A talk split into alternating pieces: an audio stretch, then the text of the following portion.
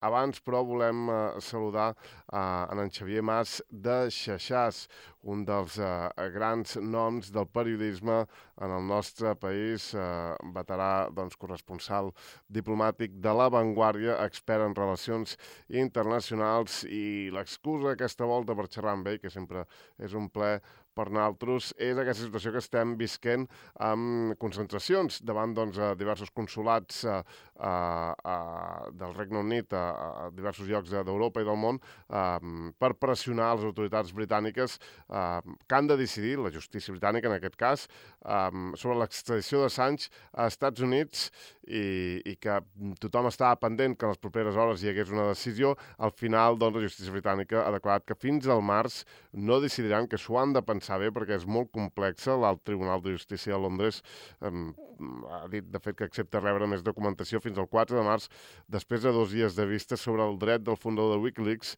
a seguir apel·lant. Recordem que ja hi ha una, diríem, una sentència que diu que ha d'anar extraditat als Estats Units on el més probable és que passi els dies que els hi queda a Sant a, a la presó allà. Molt bon dia. Hola, molt bon dia, què tal? Gràcies, Xavier Mas, de Xaixàs, per estar amb No, nosaltres. gràcies a vosaltres. Escolta, si um, Julian Assange fos extraditat als Estats Units, no hi ha dubte que um, segurament s'escaparia d'una pena de mort, però que passaria la resta dels seus dies a la presó, no? Sí, sense lloc a dubte, els americans eh, van sentir-se molt vulnerats en el seu dret a la, als secrets oficials quan Assange va publicar tots aquells documents que revelaven les pràctiques eh, militars de, de l'exèrcit nord-americà a l'Afganistan i a l'Iraq i l'empresonaran, em sembla que durant més de 100 anys, o sigui que és una cadena perpètua i difícilment eh, podria ser perdonat. No, no, no, veig, eh, no veig tampoc un ambient polític favorable a una possible eh, perdó, un possible perdó a Assange a, a Estats Units. Als Estats Units no. Uh, qui té, doncs, la... Ara mateix, la decisió són, són dos jutges que han de decidir doncs, uh, sobre aquesta extradició a Estats Units que acusa doncs, el fundador de Wikileaks d'espionatge i de uh, hackeig informàtic uh, fa més uh, d'una dècada. Recordem que va haver-hi doncs, també doncs, um, aquella, aquella no diríem, no sé si dir estranya, però sí que hi ha aquelles acusacions de dos uh, uh, dones sueques al seu moment, d'abusos sexuals, uh, doncs de, Sí. de, de Julian Assange, eh, aquell, refu, aquell, aquell exili eh, doncs a la- l'ambaixada d'Equador a- al Regne Unit i, i això ja va acabar amb canvi de govern a Equador i ara mateix es troba en aquesta situació. Ja, de fet, la justícia britànica ja ha pres una decisió i això són apel·lacions, no? Sí, sí, sí, evidentment. La, o sigui, sí que hi va patir, diguem-ne, bueno, va patir, va, va, va ser acusat de d'haver eh, vi- violat o abusat sexualment de dues eh, dones. Ell això ho disputa, va dir que era sexe cons consentit, però bueno, això és una part de la seva vida privada que hauria de poder eh, seguir el seu curs, Mm. eh? però després hi ha una altra part, que és la part que, que, que ens ocupa, que és la part de haver publicat una informació d'un altíssim valor eh, social i polític per conèixer com funcionen de veritat els, els exèrcits i la presa de decisió en conflictes armats tan, tan, tan importants i al mateix temps tan inútils com els que hem vist a l'Afganistan i a l'Iraq. Aquí el que, el que s'està defensant per sobre de tot és el dret a la informació. Mm -hmm. Quin dret tenim nosaltres, els ciutadans de les democràcies avançades, a saber realment com funcionen els nostres estats?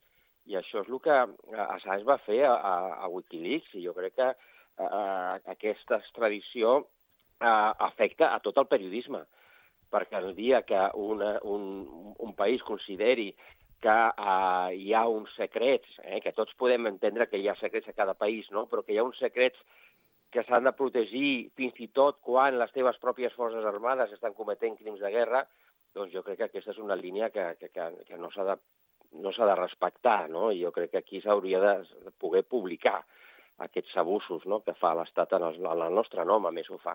De fet, eh, recordem que el que, el que va doncs, a, a fer saltar a Wikileaks eh, el focus de l'actualitat van ser aquelles imatges esfereïdores doncs, de um, civils, en aquest cas, uh, civils, uh, periodistes i civils sent ametrallats uh, des d'helicòpters militars dels Estats Units uh, a, a l'Iraq, uh, confonent uh, càmeres de televisió doncs, amb, amb, amb, amb armes i unes imatges molt dures on, on, on es veia doncs, morir fins i tot a, a criatures i que els Estats Units doncs, volia tapar aquesta mena doncs, de crims que eren bastant sistemàtics i a través de Wikileaks doncs, es, van, es van donar a conèixer.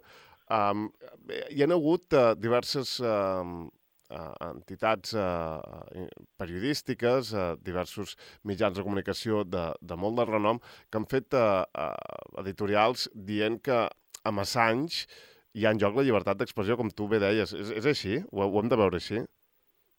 Sí, sí, totalment. O sigui, jo, jo prefero parlar en aquest cas de, de dret a la llibertat d'informació, perquè no estem sí, parlant d'opinions. D'informació. Eh? No, Assange no fa, no fa un article d'opinió i en aquest article d'opinió hi ha, unes, hi ha unes frases, uns, no, uns punts de vista que puguin ser ofès, ofendre algú. No, no, ell està donant informació, però informació eh, científica, per dir-ho d'alguna manera, perquè ahir va accedir a, a, als vídeos on es veien aquestes matances i va accedir també als documents de la, de la cadena de comandament que van permetre aquests atacs a la població civil perquè el pilot de l'helicòpter demana permís per si dispara o no dispara, i, i de més a dalt eh, li diuen, sí, sí, dispara. Vull dir, això no és un accident, això no és un soldat, un militar, que en un moment eh, d'ofuscació al camp de batalla doncs, comet una atrocitat. Això és una eh, presa de decisions en, en fred, amb, amb molta, molta cura, seguint un protocol eh, molt ferm, molt ben establert de, de, de presa de decisions i de com hem de nosaltres fer la guerra. I jo crec que això és la gran importància de, de les revelacions de, de Wikileaks i eh, haurien de, de, de, de poder publicar-se arreu del món. I jo crec que això, quan el, els estats amaguen aquesta informació, eh, jo crec que estan enfablint moltíssim la, la democràcia i estan enfablint moltíssim la confiança de la ciutadania en les institucions i ninguna més, més important que, que les Forces Armades, també, no? perquè són elles les que garanteixen la nostra seguretat, les nostres fronteres, etc. No? Imagineu ara com està Israel, com està Israel a Gaza, què està fent l'exèrcit israelià a Gaza? No? Bueno, està, està acusat de cometre crims contra, contra la humanitat, crims de guerra, eh, està acusat de genocidi. Eh, aquí, algun dia, a mi m'agradaria saber eh, exactament com ha anat tota aquesta presa de decisions. I, jo, si jo fos israelià, encara més, perquè és l'Estat que està fent eh, la guerra d'aquesta manera i ho està fent, en, en, com deia abans, amb el, amb el meu nom. Mm -hmm. uh, la pressió sobre els dos jutges que han de prendre aquesta decisió mm, deu ser històrica, no? perquè recordem que el Regne Unit, i més eh, Eh, governat eh, com ha estat pels últims 15 anys doncs, eh, pels toris, pels conservadors, és un fermíssim aliat d'Estats Units en lo polític i en lo militar. Um, entenc que la pressió cap a aquests jutges ha de ser brutal, no? Sí, sí, sí, ho entenc, sí, sí, segur que tens raó. Uh, també jo crec que la justícia britànica és una justícia uh, pues, independent, amb una llarguíssima tradició de, democràtica, i confio que aquests jutges sabran resistir aquesta pressió política que sent joc, eh, que segur que existeix i que eh, encara, vull dir-te, si, eh, si el govern a, a Washington no fos del Joe Biden, sinó que fos del Donald Trump, encara seria encara més gran, no? Però, però jo crec que, bueno, espero que la justícia doncs, prengui aquestes decisions en base a la documentació i sense la, la, la pressió aquesta política per uh, complir, diguem-ne, uh, amb, amb les obligacions d'un aliat fidel, no? com és el del Regne Unit. Mm -hmm. Escolta, um, de deixa'm, ara que parlaves de Trump, um, perquè um, les possibilitats doncs, que Donald Trump uh, tornin a ser uh, president dels Estats Units uh, avancen dia a dia, um, està, doncs, diríem, uh, escombrant uh, totes les primàries republicanes, pareix que no té rival en aquell sector, i amb un uh, enfrontament uh, electoral amb Biden, en un principi, mm, les enquestes o, o, o, el que, o el que diuen els que vaticinen els experts que Trump segurament uh, guanyaria un Trump segurament molt més rancuniós, molt més enfadat mm, i amic de, de Vladimir Putin. I aquí volia anar un moment perquè mm, a, a Espanya ha passat una cosa molt greu a les últimes hores, que és que un, un, un desertor de les Forces Armades russes, un, un, un, un pilot d'helicòpter rus que va desertar eh, en la guerra d'Ucraïna eh, i que s'havia instal·lat, a la, a la, a la, en aquest cas, a la, a la costa de la Cantina, Màxim Kuzminov, va ser eh, executat a sang freda eh, fa només eh, eh, uns dies i, i avui sortia als diaris doncs, que, que són pistolers enviats per Moscou els que han matat aquest desertor refugiat a Alacant, segons els serveis d'intel·ligència espanyols. De moment el govern espanyol no diu res, no, no n'ha fet cap declaració perquè vol doncs, que les investigacions siguin clares, però això, clar, a Europa ha passat amb Litvinenko al Regne Unit i ara passa a Espanya.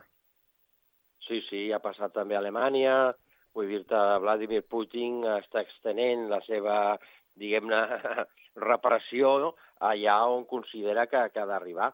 I, I això, desgraciadament, passa. Passa a Europa, eh, li passa també als Estats Units i a Canadà, eh, que també han hagut intents d'assassinat per part de, del govern indi a, a dissidents de la, mm. de la minoria sikh, sí, sí. que estaven refugiats en allà. Vull dir-te que aquests països eh, enviar un pistoler o contractar algú eh, que a la costa, diguem-ne, la cantina on, on es va produir aquest crim està plena de russos, doncs no, no deu ser gaire complicat i llavors sí, amb aquest pobre soldat li van clavar cinc trets, un directament al cor quan anava a l'aparcament, i això a mi... I, i després el van atropellar.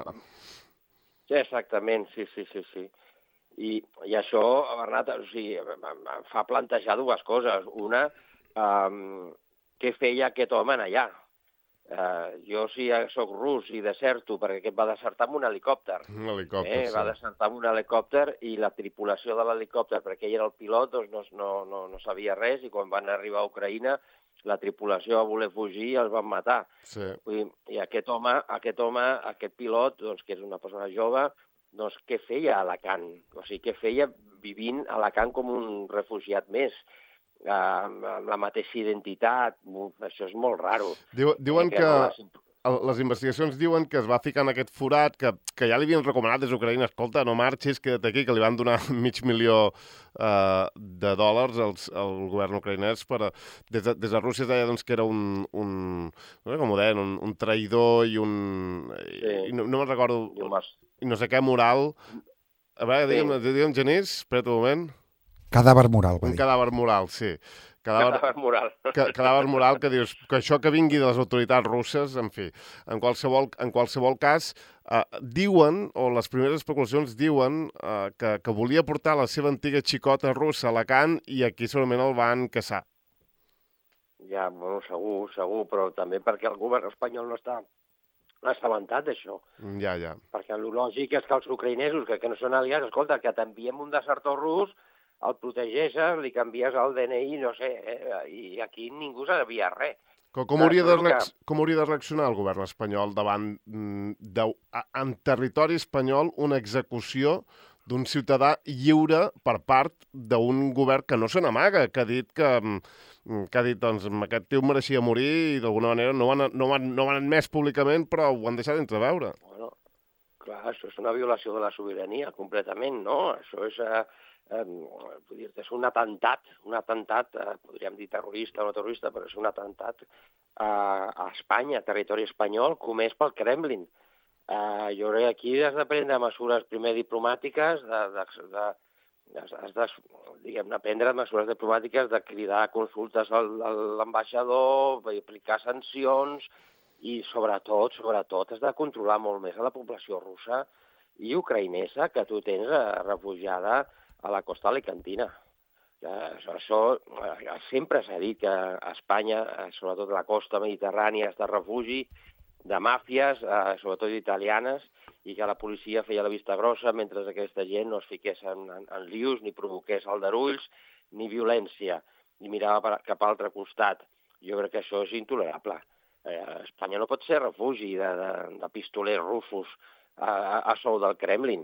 Eh, això s'ha de s'ha de solucionar, jo crec un gran fracàs, un gran fracàs de la seguretat interior espanyola. déu nhi uh, Vladimir Putin, uh, que per cert, que, que per cert ha, ha, ha estat... és que és tot el joc dels disbarats. Ha estat entrevistat yeah. recentment uh, per un periodista amic, diríem, de, de Donald Trump. Um, Vladimir sí. Putin i Donald Trump tenen un, una bona relació mm, i tampoc se n'amaguen, no? No, no, no, perquè vull dir, que som dos matons de barri, eh? I, i això els hi agrada. Aquest, aquest autoritarisme, es reconeixen l'un amb l'altre, són dos masclistes, eh, llavors eh, hi ha una afinitat de caràcter. I jo crec que Trump eh, té enveja de Putin. A Trump li agradaria molt dirigir els Estats Units com Putin està dirigint Rússia. Eh? O sigui, perquè amb el seu, diguem-ne, ADN, Trump és un dictador. I llavors eh, Putin per ell és un referent, com també ho és Xi Jinping a, a la Xina. Quedo amb aquesta frase, a Trump li agradaria, li agradaria dirigir els Estats Units com, com Putin dirigeix Rússia. Oh, Bernat, això, ho, això ho ha dit ell, eh? això ha dit ell, perquè diu, eh, l'altre dia feia un míting a no sé on, però feia un míting i deia, a mi m'acusen de que vull ser un dictador. I és mentida, jo només seré dictador el primer dia que torni al despatx oval de la Casa Blanca. I bueno, és que en un dia un dictador es carrega tota la es carrega tot el Parlament per decret presidencial i ja tens una dictadura muntada, eh? no necessites més d'un dia per, per desfer una democràcia. Uh -huh. Per la qual eh, ell evidentment voldria, eh, voldria, i com tu deies molt bé abans, eh, vol tornar a la presidència amb, un, amb unes ganes de venjança tremendes. Escolta, um, si no hi ha un, diríem, si no ho impedeix la justícia als Estats Units, tot i que el Tribunal Suprem, al cap i la fi, mm, en fi, és de la seva part, perquè els jutges que sí. són majoria per, per gràcies doncs, a la seva uh, uh, interferència doncs, durant el seu uh, mandat. Si no ho impedeix la justícia als Estats Units, uh, la tornada de Trump al Capitoli, a la Casa Blanca, és imparable, mm, tenint un Biden que s'està sent, doncs, diríem, um, que està sent qüestionat uh, sobre la seva uh, salut mental, sobre la seva edat mental, uh, etc. També està sent qüestionat per, doncs, per part doncs, de la població jove nord-americana uh, que no veuen bé el suport de Biden a, a, a Israel en aquesta guerra. Fins i tot perdria el vot segurament de la important comunitat musulmana als Estats Units. És imparable la tornada de Trump a Washington? No, jo crec que no. Eh, és, és, és veritat, eh, com tu dius, que Biden té un problema d'edat i, de, i sembla també de memòria. Eh, és, és, serà el candidat i si guanya el president més, més, més eh, vell de tota la història dels Estats Units, de 81. Eh, és, és una persona que sembla que està bé de, de, de salut. Ell ha fet una bona, jo crec que ha fet una bona presidència, eh, va, diguem-ne, superar tot la, el dèficit sanitari que va haver-hi durant la pandèmia per culpa de Trump, va superar també eh, el repte de la transició energètica doncs, amb tota mena d'ajudes, etc etc. Uh, dit això, és evident que és un candidat molt feble per la seva edat i, i és paradoxal que el seu rival doncs, clar, té 77, eh? tampoc és que sigui un, un jove.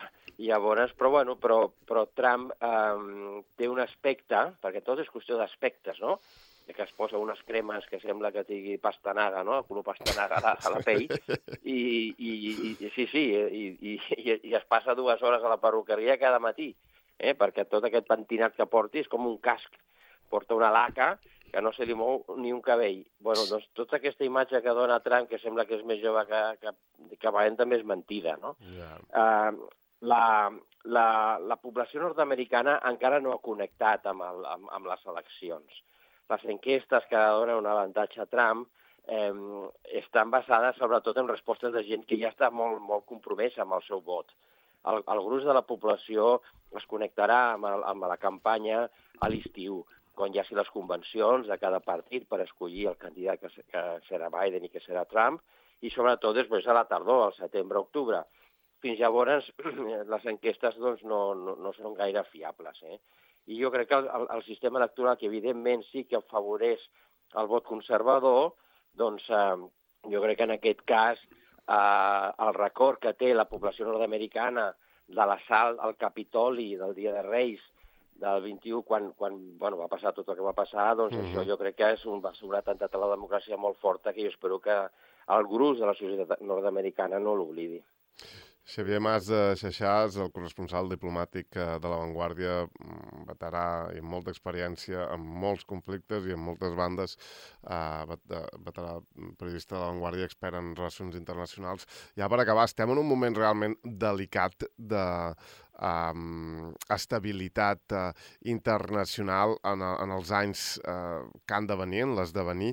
Uh, per, per, per, per aquesta, doncs, uh, uh, diríem, coalició de, de diversos elements, de diversos factors, diríem que desconeguts, no? Per una banda, doncs, eh, la crisi climàtica que avança doncs, a, a, passes eh, rapidíssimes, per una altra banda, l'emergència d'intel·ligència artificial, que, que realment no en sabem uh, l'abast, i per altra banda, a nivell polític, uh, també tenim aquest alineament doncs ja no d'esquerres o dretes, sinó de, de, de, de, de líders molt autoritaris que qüestionen la democràcia directament, ja sigui Estats Units Trump, a Rússia Putin, a Erdogan a Turquia, a la Xina doncs sempre ha sigut el que ha sigut, a l'Índia doncs tenim Narendra Modi, a, a, a, a dins Europa tenim alguns líders així, tenim un, estem vivint un moment molt delicat, el món viu un moment molt delicat. Sí, el món viu un moment molt delicat, les democràcies estan enfablint, com tu dius, hi ha cada vegada més gent que confia fins i tot dins les democràcies amb gent autoritària, consideren, i aquí veiem com pugen els partits de l'extrema de dreta, de la dreta més radical, eh, amb l'excusa dels eh, immigrants o la que vulguis, i eh, això ens ha de fer pensar a tots, perquè la, la gran majoria, però això és el bo, eh, que jo sóc optimista, la gran majoria de la societat europea, l'espanyola, formentera també, la gran majoria és però la gran majoria, vull dir, el 80 i pico per cent, eh? és gent amb seny, és gent que, que, que sap el que vol, que, que sap que valen les coses, eh, que, que, que, que, que treballen de, de, de, de sol a sol per tirar endavant la seva família, la seva professió. Eh, I aquesta gent moltes vegades no s'ha sent representada pel, pel, pel uh -huh. poder polític, senten que la, la, els polítics, una vegada que els han escollit, doncs els traicionen perquè no compleixen el programa electoral, no feien uh -huh. allò que havien dit que farien. Jo crec que aquí la, la nostra responsabilitat com a ciutadans de, de, de consens no, que som és eh, seguir, diguem-ne, pressionant els nostres polítics perquè facin les coses que han de fer. Si fan les coses que han de fer, tots aquests problemes que tenim, que són molt greus, eh, els resoldrem, segur, segur, perquè sempre tirem endavant. Si la tecnologia que abans mencionava, l'intel·ligència artificial, clar que espanta, perquè no sabem què serà d'aquesta tecnologia. Però la tecnologia pot ser també molt positiva, i de fet sempre ha estat positiva per la humanitat. En general hem progressat gràcies a la ciència i gràcies mm. a la tecnologia. L'únic que hem de fer, i això és l'únic, eh, que és difícil també, no? però s'ha de fer, i la Unió Europea està fent-ho, ja és regular-ho. Doncs ja. quin ús hem de fer d'aquesta mm. tecnologia? I això és la tasca que han de fer els polítics. Nosaltres, no sé, jo crec que nosaltres ara aquí en Barcelona, que tenim una sequera, que no tenim ni fons i, i els parcs estan que donen pena, doncs clar, durant 10 anys no s'ha invertit en, en, en infraestructures hidràuliques. Per què no s'ha invertit? Si sabien que mancava aigua, no? Doncs jo crec que aquestes són les preguntes que la ciutadania s'ha de fer i, i en el nostre petit entorn social, eh, la nostra comunitat, doncs tenim molt pes i molta, moltes coses a fer. Eh? Mm. Perquè després, si tothom arregla una mica la seva parcel·la, el conjunt de les relacions internacionals i aquestes amenaces de guerres, etc es veurien d'altra manera i tindrien més recursos per poder-los fer front. Moltíssimes gràcies, eh, Xavier Mas eh, de eh, Xaixàs. Mm, fins la pròxima, t'ho agraïm molt. Gràcies a vosaltres, és un plaer, com sempre. Salut.